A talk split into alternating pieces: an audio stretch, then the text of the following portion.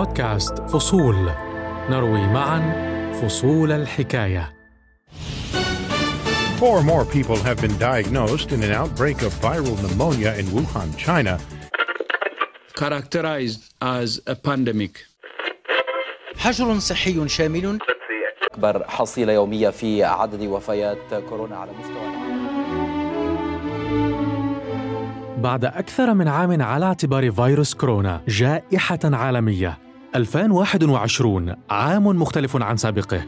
أمل في نجاح اللقاح وخوف من السلالات الجديدة. نعيش الآن فصلا جديدا لقصتنا مع كورونا. لكن قبل أن ننسى دعنا نعود إلى الوراء ونستعرض 2020 بعيون جديدة. الزميل أحمد الضامن انتقل أهم والأغرب من التغطية الإخبارية للجائحة في 2020 وألحقها بمدونة حكاياته الشخصية مع كورونا. كي يجيب على سؤال كيف سأروي عام 2020 لأولادي يوما ما؟ أنا محمود الشعراوي وهذه فصول الحكاية كما يرويها أحمد الضامن.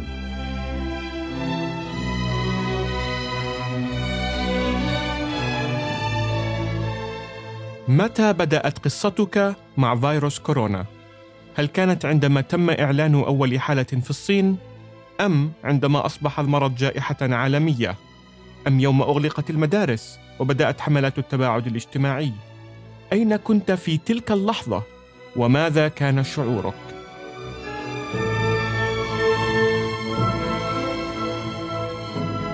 عام 2020 سيرتبط في أذهاننا أبداً بفيروس كورونا.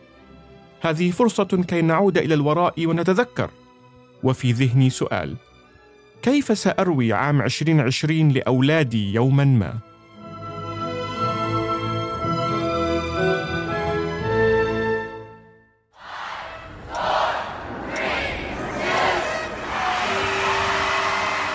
in 2020. Welcome to 2020.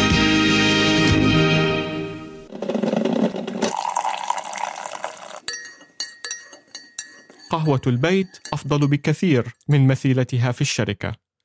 مذاق طعم القهوة في العمل ما زال مرتبطا بأول مرة سمعت عن فيروس كورونا في يناير مطلع 2020. دعنا نتذكر كيف قامت نشرات الأخبار بتغطية الجائحة منذ بدايتها شهرا بشهر. أتبعها بفصول من حكايتي مع كورونا.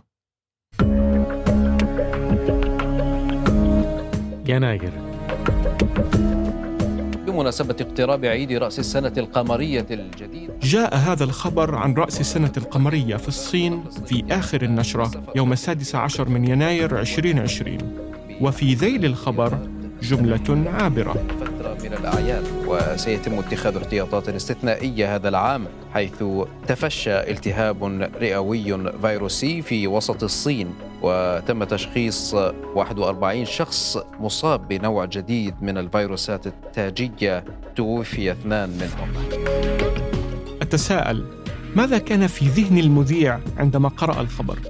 هل كان يعلم أن الأمور ستصل إلى ما آلت إليه؟ لم يستوقفني الأمر كنت حينها أحضر للانتقال إلى بيت جديد. فبراير.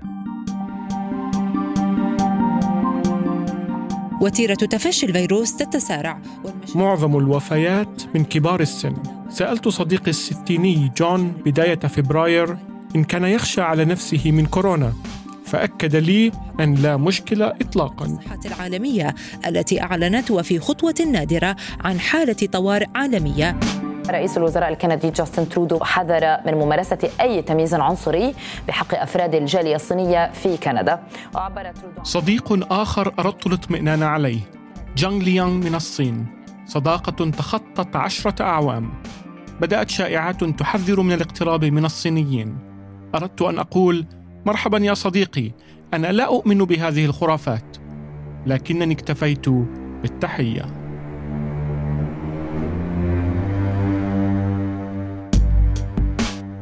مارس.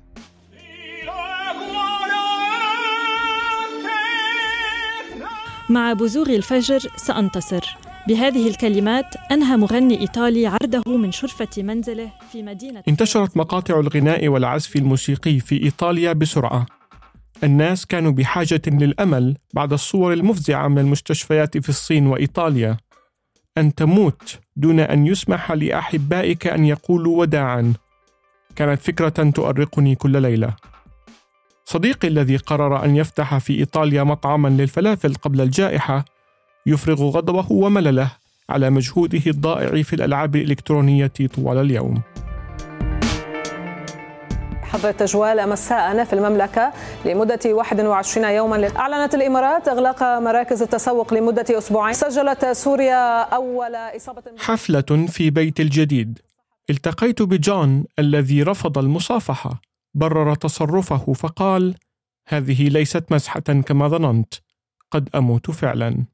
أعلن الرئيس الأمريكي دونالد ترامب أن إدارته وافقت على اعتبار ولايات نيويورك وواشنطن وكاليفورنيا مناطق كوارث. إبريل. المحلات التجارية تحولت إلى ساحات حرب. أتذكر المرة التي وجدت حزمة من ورق الحمام مخبأة خلف خزانة التوابل في المتجر. صاحبها خبأها ليعود إليها بعد أن قننت المتاجر عدد الحزمات اليومية التي يمكن شراؤها. كانت تلك أول مرة أعثر على هذا الورق منذ شهر فأخذت غنيمتي واشتريتها صاحب المتجر علق مندهشا أين وجدت هذه؟ العمل من البيت؟ أن تقضي اليوم كله بملابس النوم إذا رغبت؟ بدا حلما جميلا في البداية أسعار الرحلات الجوية تهاوت إلى النصف اشتريت ثلاثة تذاكر سفر ظنا مني أني أستغل فرصة ثمينة كم كنت مخطئا في الحالتين. وكالة ناسا الأمريكية نشرت صورا تظهر تراجعا حادا في مستويات تلوث الهواء في الصين. تلوث الهواء انخفض أيضا في المناطق الحضرية في أوروبا حيث تراجع متوسط الشوارع فارغة ليلا والهواء نقي. الغزلان والثعالب وابن آوى احتلوا الطرقات التي تركها البشر. شعور غريب بين السعادة والخوف. مايو.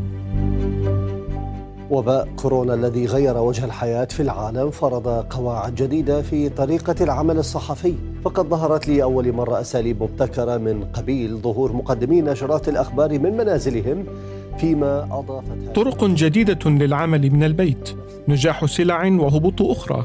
كان واضحا أن كورونا سيغير طريقة تفكيرنا عن العمل. هل كان يجب أن نذهب إلى المكتب كل صباح ويضيع وقت ثمين على الطرقات من الأساس؟ يونيو. ضغط العمل يزيد بشكل متسارع. ساعات الدوام لم تعد لها معنى. يختلط الصباح بالمساء والغرفة نفسها لا تتغير. الشوارع تعج بممارسي الرياضة والمتسكعين دون عمل. أتجنبهم فأخرج ليلا عندما تفرغ الطرقات. الأفلام الوثائقية حول كورونا والتي هي في صلب عملي نادرة وتسعى وراءها شبكات التلفاز بعروض خيالية. المعلومات والإحصاءات حول المرض متضاربة. أستيقظ كل صباح لأتابع أرقام الإصابات في مدينتي والأعداد في زيادة. تجاوز عدد الإصابات بفيروس كورونا في أنحاء العالم عشرة ملايين حالة. في حين توفي أكثر من نصف مليون شخص جراء الإصابة بالفيروس. بدأت فيه العديد من الدول المتضررة بشدة من الوباء في تخفيف إجراءات العزل بسبب مخاوف من التأثيرات السلبية على اقتصاداتها. يوليو. يا بحر يا بحر جئتك حائر الوجدان. أشكو جفاء الدهر للإنسان. يا بحر خاصمني الزمان وإنني ما عدت أعرف في الحياة مكاني.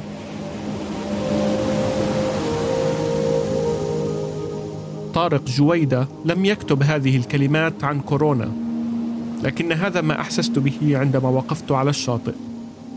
الأمواج تضرب الرمال وتأخذ معها آلام غربة المكان. وعزلة الجائحة. سأروي لأولادي كيف التزمنا بيوتنا واعتكفنا عن إجازة الصيف. روحت عن نفسي فذهبت إلى شاطئ البحر ووليت وجهي نحو فلسطين. المحيط يفصل بيننا والعالم أوسع بكثير من غرفة ضيقة. The entire world is working to find an effective vaccine to fight the COVID pandemic. Currently, there are nearly 150 different vaccines in various stages of production, but just about a dozen are in expanded human trials. أغسطس. لم يتخطى العالم بعد حاجز الثلاثمائة ألف إصابة يومية جديدة بكورونا. منظمة الصحة العالمية تحذر من الموجة الثانية من الجائحة مع انخفاض درجات الحرارة. مللت ثم توقفت عن متابعة الأرقام كل يوم. بدأت حياة كورونا الجديدة تصبح عادة. ها أنا أشرب قهوتي وأنتظر. أمنت منظمة الصحة العالمية أن يتمكن العالم من احتواء وباء كورونا خلال أقل من عامين وتشهد دول غرب أوروبا مستويات من الإصابات هي الأعلى منذ شهور خصوصا ألمانيا وفرنسا وإسبانيا وإيطاليا مما يثير المخاوف من موجة ثانية قد تجتاح العالم. سبتمبر. أول زيارة للمشفى في زمن كورونا. يطلبون مني أن أقوم بفحص السلامة من كورونا قبل الموعد بيومين. فوضى في مكان الفحص. أنتظر في سيارتي ساعة كاملة قبل أن يأتي دوري. عود بلاستيكي يدخل في أنفي ويهز حلقي. إحساس مزعج. أتفاجأ بشخص على باب المشفى. وظيفته قياس حرارتي. واحدة من الوظائف الجديدة التي ابتدعها زمن كورونا. بالمصادفة صديقتي ممرضة تعمل في المشفى نفسه. لم أستطع رؤيتها منذ بدأت الجائحة. سعادة كبيرة حين رأتني. نقف متباعدين في أزقة المشفى وتحدثني عن انعزالها الاجتماعي التام. خرجت من المشفى فخورا بهؤلاء الأبطال الحقيقيين الذين لم تنصفهم أفلام الكرتون وقصص الأبطال الخارقين. الباحثون في جامعة ساو باولو وجدوا أن انخفاض الوفيات السابق في مناوس يشير لمناعة جماعية لكنهم يرون أيضا اليوم أن الأجسام المضادة للمرض بعد الإصابة قد لا تستمر لأكثر من بضعة أشهر مما يفسر عودة تغول الجائحة. أكتوبر قال مدير حملة الرئيس الأمريكي دونالد ترامب أن الرئيس ملتزم بمناظرة مع منافسه الديمقراطي جو بايدن.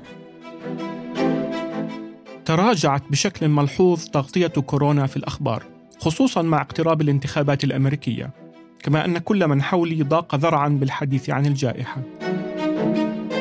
خضعت وقتها لعملية جراحية في المشفى. كنت المريض الوحيد في قسم العمليات. لا أحد يريد دخول المشفى في ذلك الوقت.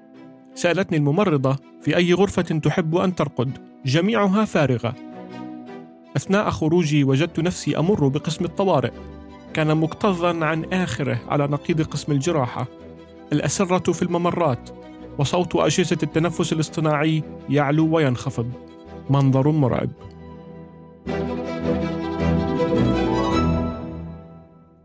نوفمبر.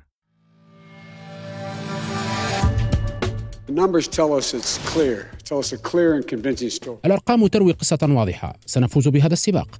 الرئيس الأمريكي الجديد يضع الجائحة في أول اهتماماته. فصل جديد ومختلف من حياتنا مع الجائحة. لم تكد احتفالات النصر تنتهي حتى بدأ الحديث عن فريق شكله بايدن لمواجهة كورونا. فريق يضم 12 شخصا حسب مصادر أمريكية. اقترب موعد رحلتي. أصل المطار. الصالات فارغة والمتاجر مغلقة. لا أحد يقف ناحية التفتيش. موظف الأمن ينظر لي وكأنه يقول لابد أنك مجنون. أي عاقل يسافر في وقت كهذا؟ ضرورة ارتداء واق بلاستيكي يغطي وجهك طوال الرحلة. الطائرة شبه فارغة. مضيفو الطيران يعيرون اهتماما أكبر عندما يقل الزبائن. أسعل. فتتجه الأنظار نحوي مباشرة. الكل ينظر إلى الآخر بعين الشك. ديسمبر. سباق لقاح كورونا يدخل شوطه الأخير. الشاحنات المحملة بلقاح مضاد لفيروس كورونا. لم يعد الحديث عن تفشي الفيروس وكيفية التصدي له ونجاعة اللقاح بل صعد إلى الواجهة تساؤل عن ماهية السلالة الجديدة من فيروس كورونا. وما هو التغير الذي حدث للتركيبة حصلت على الجرعة الأولى من اللقاح اليوم. أعلم أنها ليست نهاية قصتي مع فيروس كورونا الذي سأصاب به يوما ما، لكنها صفحة جديدة تطوي معها مرحلة 2020. أكاد أرى الآن خط النهاية